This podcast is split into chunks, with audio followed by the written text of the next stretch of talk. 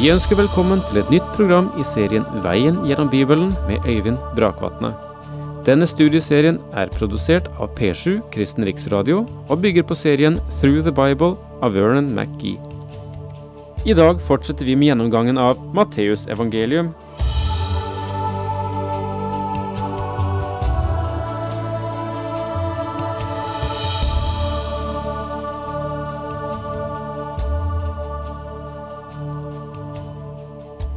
I en menighet hadde pastoren en serie bibeltimer om eh, Guds ledelse.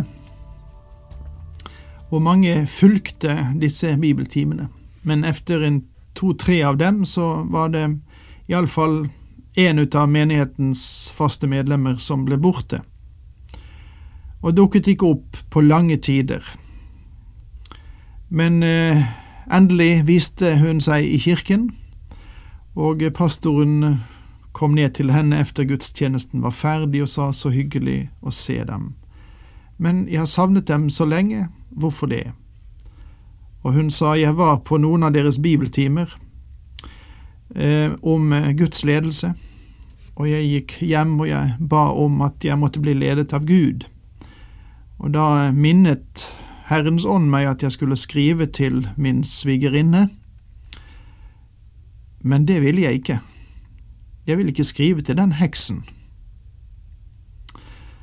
Nå ja, det er kanskje hun ikke er alene om en sånn reaksjon. Av og til står vi i den uhyggelige situasjonen at det Guds ord sier til oss, det blir bare av en viss akademisk interesse. Det blir ikke praktisk virkelighet. Vi hører det, men vi gjør ikke efter det. I forrige, forrige, gang vi var sammen, så så vi at um, fariseerne sto i en slik situasjon. Og det er noe av det Jesus angriper hos dem. De måtte erkjenne at Jesus, han underviste rett om Guds vei, og at han talte det som var sant, og ingenting annet enn det som var sant, og at han ikke skjelte verken til høyre eller venstre, verken til rik eller fattig, for det han sa. Men én ting er å vite det, en annen ting er å følge det. Og det, det var slik det var for eh, fariseerne, og derfor forsøkte de å fange Jesus i ord og stille ham i en klemme. Og da har Jesus dette, denne reaksjonen å komme med. Matteusevangeliets 22. kapittel, vers 18. Men Jesus merket deres ondskap og sa, dere hyklere, hvorfor setter dere meg på prøve? Legg merke til at han kalte dem det de virkelig var, hyklere. Vis meg mynten som skatten betales med. De rakte ham en dinar. Merk deg at han brukte deres mynt. Jeg har ofte undret meg på hvorfor han ikke brukte sin egen mynt. Og vet du, jeg tror at det ganske enkelt var fordi at han hadde ingen. Og han spurte, Hvem er det som har sitt bilde og sitt navn her? De brukte den romerske regjeringens lovlige betalingsmiddel, og her var det en romersk mynt. Keiseren, svarte de. Da sa han til dem, Så gi keiseren hva keiserens er, og Gud hva Guds er. Dette er et strålende svar, fordi det innebærer mer enn akkurat et svar på deres spørsmål. Men eh, det ga han jo også. Men i tillegg sier han at de skyldte Cæsar noe. De brukte hans penger, de gikk på romerske veier, og Rom gav dem et visst mål av fred, så de skyldte Rom noe. Derfor skulle de gi keiseren hva keiserens var. Men det er også en annen side av saken. Gi også Gud hva Guds er. De ble forundret over dette svaret og gikk sin vei. Og dette sier at Herren ikke gikk i deres felle. Selv om de skyldte Cæsar noe, så tok ikke det bort deres ansvar overfor Gud.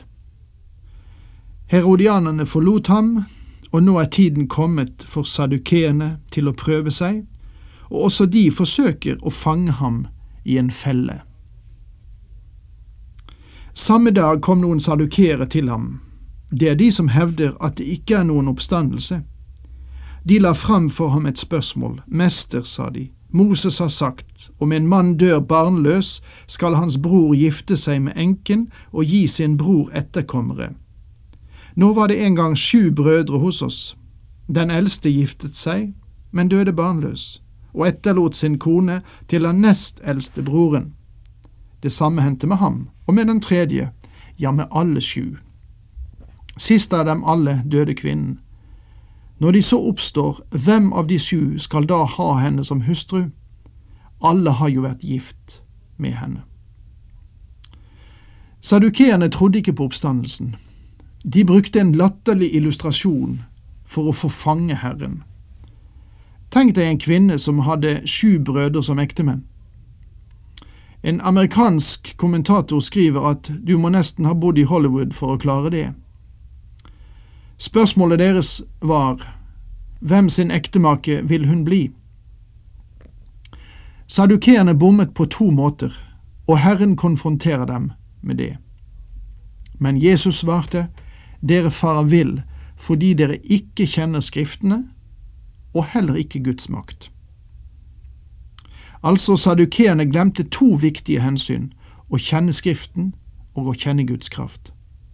Og denne likegyldigheten fikk dem til å presentere denne latterlige illustrasjonen. Og forklaringen er enkel. For etter oppstandelsen tar de ikke til ekte, og tas de ikke til ekte, men de er som englene i himmelen. Han sier ikke at de er engler, og vi vil heller ikke bli engler i himmelen, men vi vil bli lik engler på det vis at vi ikke tar til ekte eller blir gitt til ekte. Med andre ord, i himmelen vil det ikke være nødvendig å fortsette slekten gjennom nye fødsler. Vi vil ha nye anlegg og nye forutsetninger for samliv mellom mennesker. Og har dere ikke lest hva Gud har sagt dere om de dødes oppstandelse? Jeg er Abrahams Gud og Isaks Gud og Jakobs Gud. Han er ikke en gud for døde, men levende. Dette er et kraftig uttrykk. Hva med dem som har gått før oss? Hva med Abraham i dag? Vel, han er akkurat like mye Abraham i dag som han alltid har vært. Abraham, Isak og Jakob har ganske enkelt blitt overført fra jorden til en annen sfære. De er ikke døde, de er levende. Og det er sant om våre kjære som er i Kristus og venter oss i himmelen. Dette er en herlig sannhet, synes jeg. Folkemengden som hørte dette, var full av undring over hans lære. Nå har herodianerne og sadukeerne fått munnen stoppet. Fariseerne har fulgt nøye med Jesus og disse to gruppene. Det var jo egentlig fariseerne som tok initiativet til eh, denne spørsmålskanonaden. Fariseerne var et religiøst politisk parti. De ønsket å se Davids kongerike komme til makten igjen for å fri dem fra det romerske veldet. I spørsmålet om opprettelsen av riket kunne de gjøre felles sak med herodianerne, men som et religiøst parti sto de i motsetning til sadukeerne. Skal vi sammenligne med dagens forhold, ville fariseerne tilhøre den konservative fløy og sadukeerne den liberale fløy i det religiøse bildet. Fariseerne, på samme måte som de to andre gruppene, var ute for å fange Herren i ord, og derfor presenterte deres representant, en jurist, et meget interessant spørsmål. Da fariseerne hørte at han hadde stoppet munnen på sadukeerne, kom de sammen. En av de lovkyndige blant dem ville sette ham på prøve, og spurte. Fariseerne hadde en rådslagning, de utformer en strategi og skyver frem denne meget dyktige juristen, det vil si en skriftlærd, en ekspert på Moseloven, for å debattere dette spørsmålet. Mester, hvilket bud er det største i loven? Lytt nå til Jesus svar. Han svarte, Du skal elske Herren din Gud av hele ditt hjerte og av hele din sjel og av all din forstand. Dette er det største og første bud. Legg merke til at han ikke plukket ut et enkelt av de ti bud. Han gir dem også en tilleggsmerknad, men et annet er like stort. Du skal elske din neste som deg selv. Når du legger dette som mål på ditt liv, så vil du se at du står uten ære for Gud. Herren går rett på sak når det gjelder den juristen. Han sier, Ønsker du å vite hva som er det største bud? Å elske Gud er det største budet, og å elske din neste er like stort. På disse to bud hviler hele loven og profetene. Disse to budene summerte faktisk opp hele Moseloven. Og Jesus' svar var så iøynefallende nøyaktig at om fariseerne hadde vært ærlige, så burde de ha sagt, vi kommer til kort. Vi kan ikke bli frelst ved loven, vi trenger en frelser. Og ved den tiden var Jesus, frelseren, nesten under korsets skygge. Fariseerne rådslår enda en gang for å forsøke å fange ham gjennom et annet spørsmål, men han slår dem ut ved å stille dem et spørsmål. Mens fariseerne var samlet, spurte Jesus dem, Hva mener dere om Messias? Hvem er han sønn av? David, svarte de. Hvordan kan da David, drevet av Ånden, kalle ham Herre? spurte Jesus. Han sier jo, Herren sa til min Herre, sett deg ved min høyre hånd, til jeg får lagt dine fiender under dine føtter. Jesus siterer her Salme 110, vers 1. Hvordan kunne David kalle sin sønn sin herre? Fariseerne ville være tvunget til å si at sønnen måtte være overnaturlig født for at David skulle kalle ham min herre. Om nå David kaller Messias for herre, hvordan kan han da være Davids sønn? Dette er det ransakende spørsmålet som Herren stiller fariseeren. Og dette spørsmålet har flere konsekvenser som er veldige. Og merk deg det. Herren sier, ikke jeg, eller teologer eller fortolkere, men Herren sier at David skrev Salme 110. Han sier at han skrev den ved Den hellige ånd, og han sier at han skrev den om Messias. Om nå David kaller Messias herre, hvordan kan han da være Davids sønn? Hvordan kunne David kalle sin sønn sin overordnede uten at han var det? Det eneste logiske svar på dette spørsmålet er faktisk jomfrufødselen. Jesus er Davids sønn, men er større enn David. En sønn av David kan ikke være større enn David uten at det er noe større lagt inn i denne linje som viderefører slekten for å frembringe en større sønn. Skildringen av Jesu overnaturlige fødsel gir det eneste tilfredsstillende svar. Davids herre kom inn i Davids linje som skrevet i Lukas evangeliet.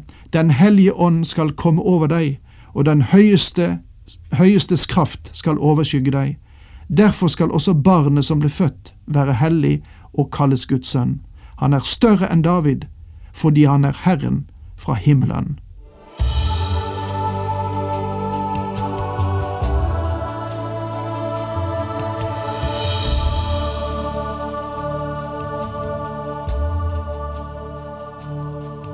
Du hørte Øyvind Brakvatne i studieserien Veien gjennom Bibelen. Serien bygger på et manus av Vern McGee. Har du spørsmål eller kommentarer til programmet, kan du sende en e-post til vgb krøllalfa p7.no. Takk for i dag, og på gjenhør.